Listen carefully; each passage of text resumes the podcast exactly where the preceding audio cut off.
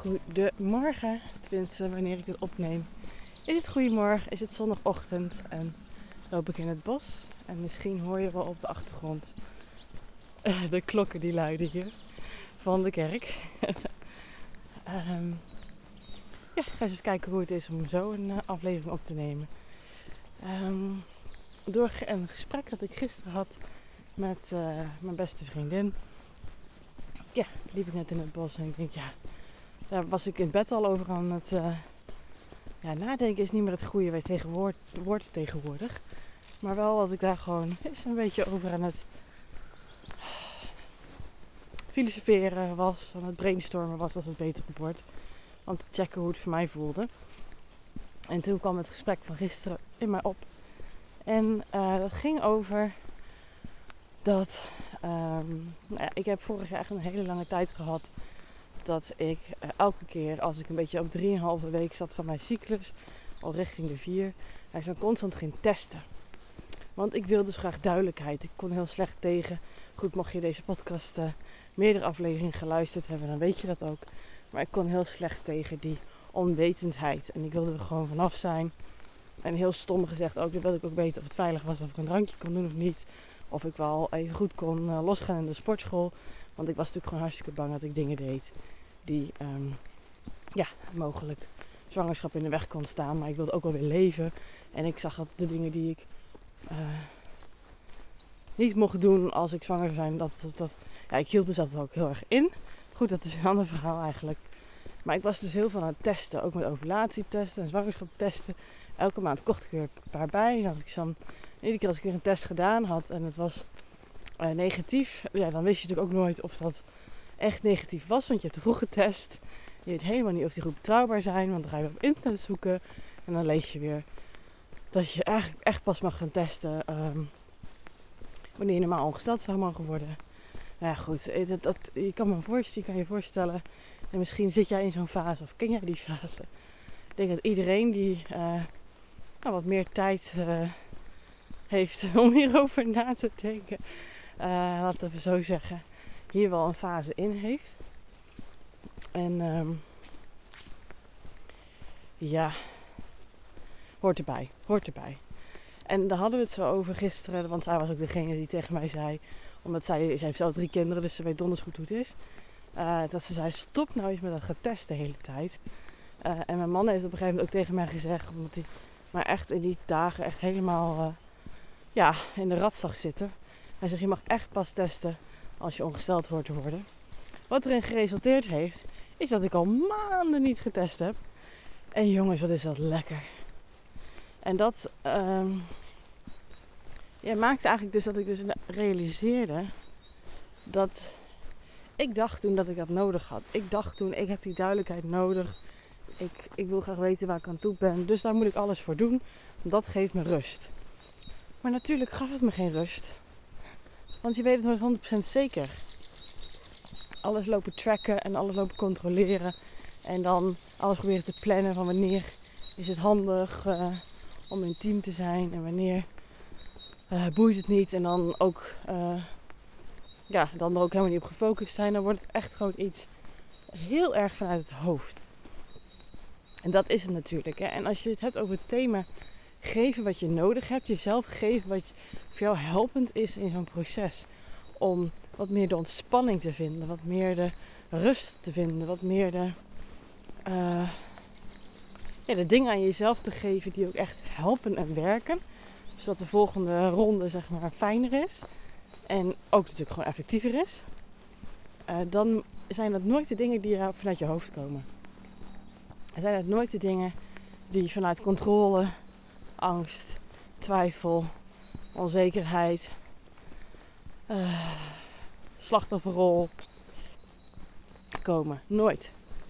En ja, dit komt ook gewoon heel vaak terug in mijn uh, loopbegeleiding die ik geef. Dat we het hebben over ja, jezelf leren. Nou, jezelf leren luisteren, keuzes maken is voelen.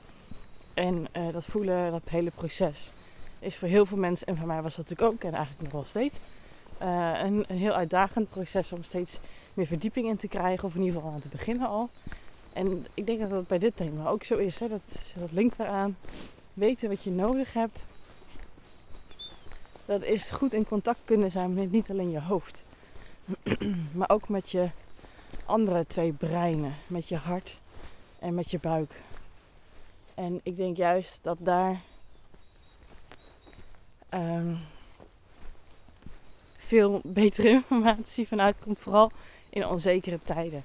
Vooral als je heel graag iets wil en het is nog niet gelukt, uh, hoe je daarmee omgaat, dan is lief zijn voor jezelf iets wat je mag doen voor wat ook echt goed voor je is. En dat is dus nooit wat je hoofd zegt, want je hoofd wil natuurlijk altijd dat je bij bekende houdt hoe je het eerder gedaan hebt. En die vindt het veel veiliger als het allemaal vanuit angst en controle gebeurt. Want ja, dan gebeuren er niet geen risico's. Maar je gevoel, je hart en je buik, je intuïtie, die heeft wel andere ideeën vaak. En dat zijn soms juist de korte termijn juist wat ongemakkelijkere dingen. Maar wel de fijnste dingen waarvan je achteraf denkt. En dat was hem dus inderdaad voor mij ook. Dus stoppen met die testen. En uh, minder bezig zijn met uh, cyclussen en, en dat soort dingen. Kortweg gezegd zijn het vaak, in ieder geval op dit thema, uh, dingen die dus gaan over die echt goed voor je zijn. En waardoor je ook uiteindelijk rust gaat krijgen en ontspanning. Alleen vaak moet je dan eerst, je moet helemaal niks, maar ga je dan eerst door een stukje oncomfortabelheid heen.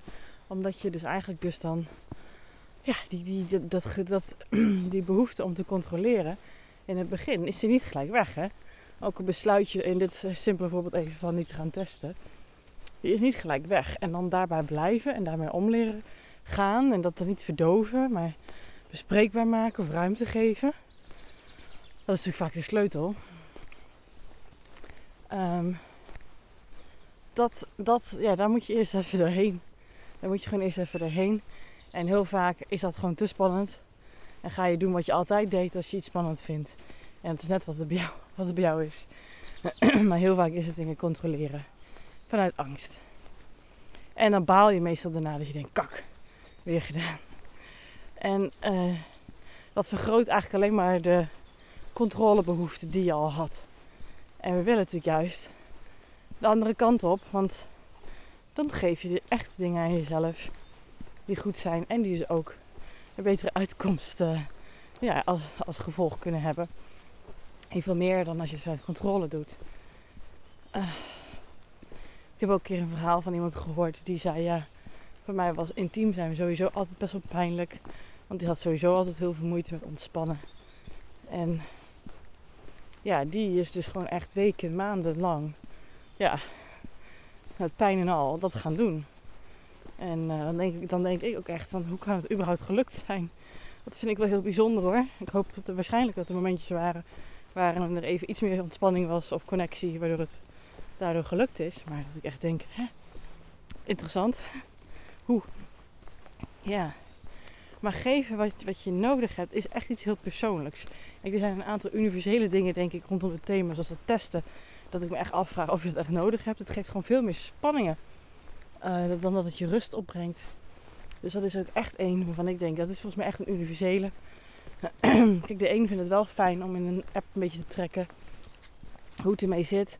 Ik denk eigenlijk dat het in dezelfde categorie behoort, dat het ook iets is wat je gewoon lekker los mag laten en niet zo mee bezig mag zijn. Ehm, ik ging natuurlijk ook altijd heel vaak signalen proberen op te pakken van mijn lijf. Om te kijken van uh, wat voel ik nu allemaal weer. Het zijn allemaal behoeftes vanuit controle. En die gaan niet lekker voor je. En wat ik in plaats van steeds meer aan het doen ben, is het dan meer aan het loslaten. Op vertrouwen dat het echt wel gaat gebeuren. En als je daar meer naartoe durft te bewegen en dus ook jezelf de dingen geeft die je nodig hebt, zoals bijvoorbeeld als je die controlebehoefte hebt, dat je dan uh, dat even uit of even een goed gesprek hebt. En dan, um, ja, hoe, hoeveel meer fijner uh, het voor mezelf nu ook is om hiermee bezig te zijn, hoe relaxed het ook is. Ik geef er juist meer grenzen aan. Um, ik zorg beter voor mezelf. En dan niet vanuit, oké, ik moet ontspannen, dus ga ik nu in mijn bad en hup, ontspannen. Maar echt inchecken bij mijn gevoel. Inchecken bij mijn behoeftes. En vanuit daar, hè, dus die andere breinen raadplegen. Even vanuit daar voelen, wat heb ik echt nodig? En ja, de crux zit er voor mijn gevoel altijd gewoon in. Luister dan eens naar wat jij denkt en hoe je daarbij voelt. En eigenlijk is dat al de raadgever vanuit welke inplug dit komt. Komt het vanuit je hoofd of komt het vanuit die andere um, ja, uh, breinen? Want dat zijn ze wel. En ik luister pas ook nog een keer een podcast. Dat was gewoon een business podcast. Maar dat was van een vrouw en die heeft ook een aflevering gemaakt over dat zij uh, um, ja, al drie jaar lang, uh, toen ze nog hartstikke jong was uh, en gezond, ja, uiteindelijk is het gelukkig voor haar gelukt. En dat zij ook door het hele proces gegaan is. En dat zij zelf op een gegeven moment in de kantoor zat in het ziekenhuis voor IVF. En dat, um, dat ze daar zat en de naald werd er al bij gehaald. En ik weet niet precies wat er allemaal ging gebeuren.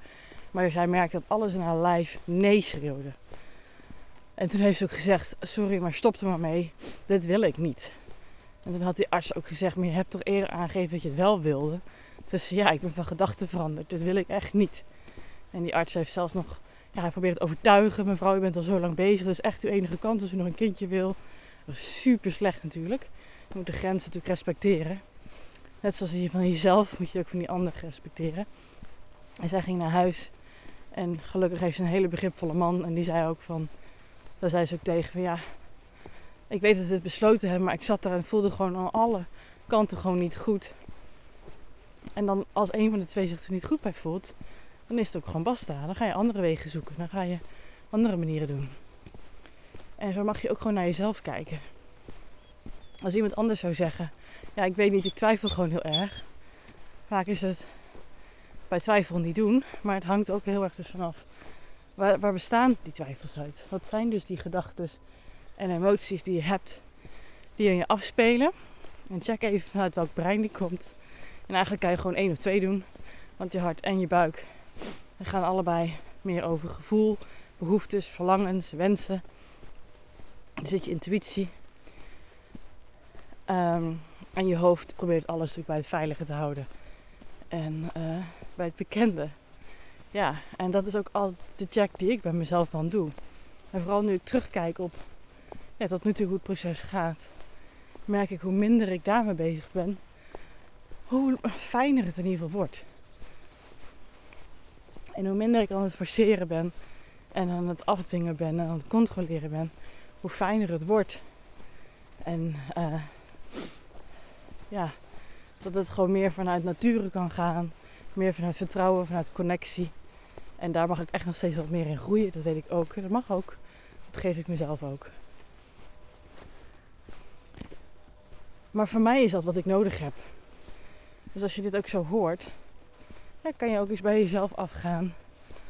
Wat is dat voor jou? Dat hoeft echt niet hetzelfde te zijn. Alleen wat wel hetzelfde is als het dus gedachten en emoties zijn. Die eigenlijk dus vanuit je hoofd komen. Vanuit onzekerheid, twijfel, angst, controle. Vooral vanuit controle. Ja, die zou ik dus niet naar luisteren. Ook niet de slachtofferrol.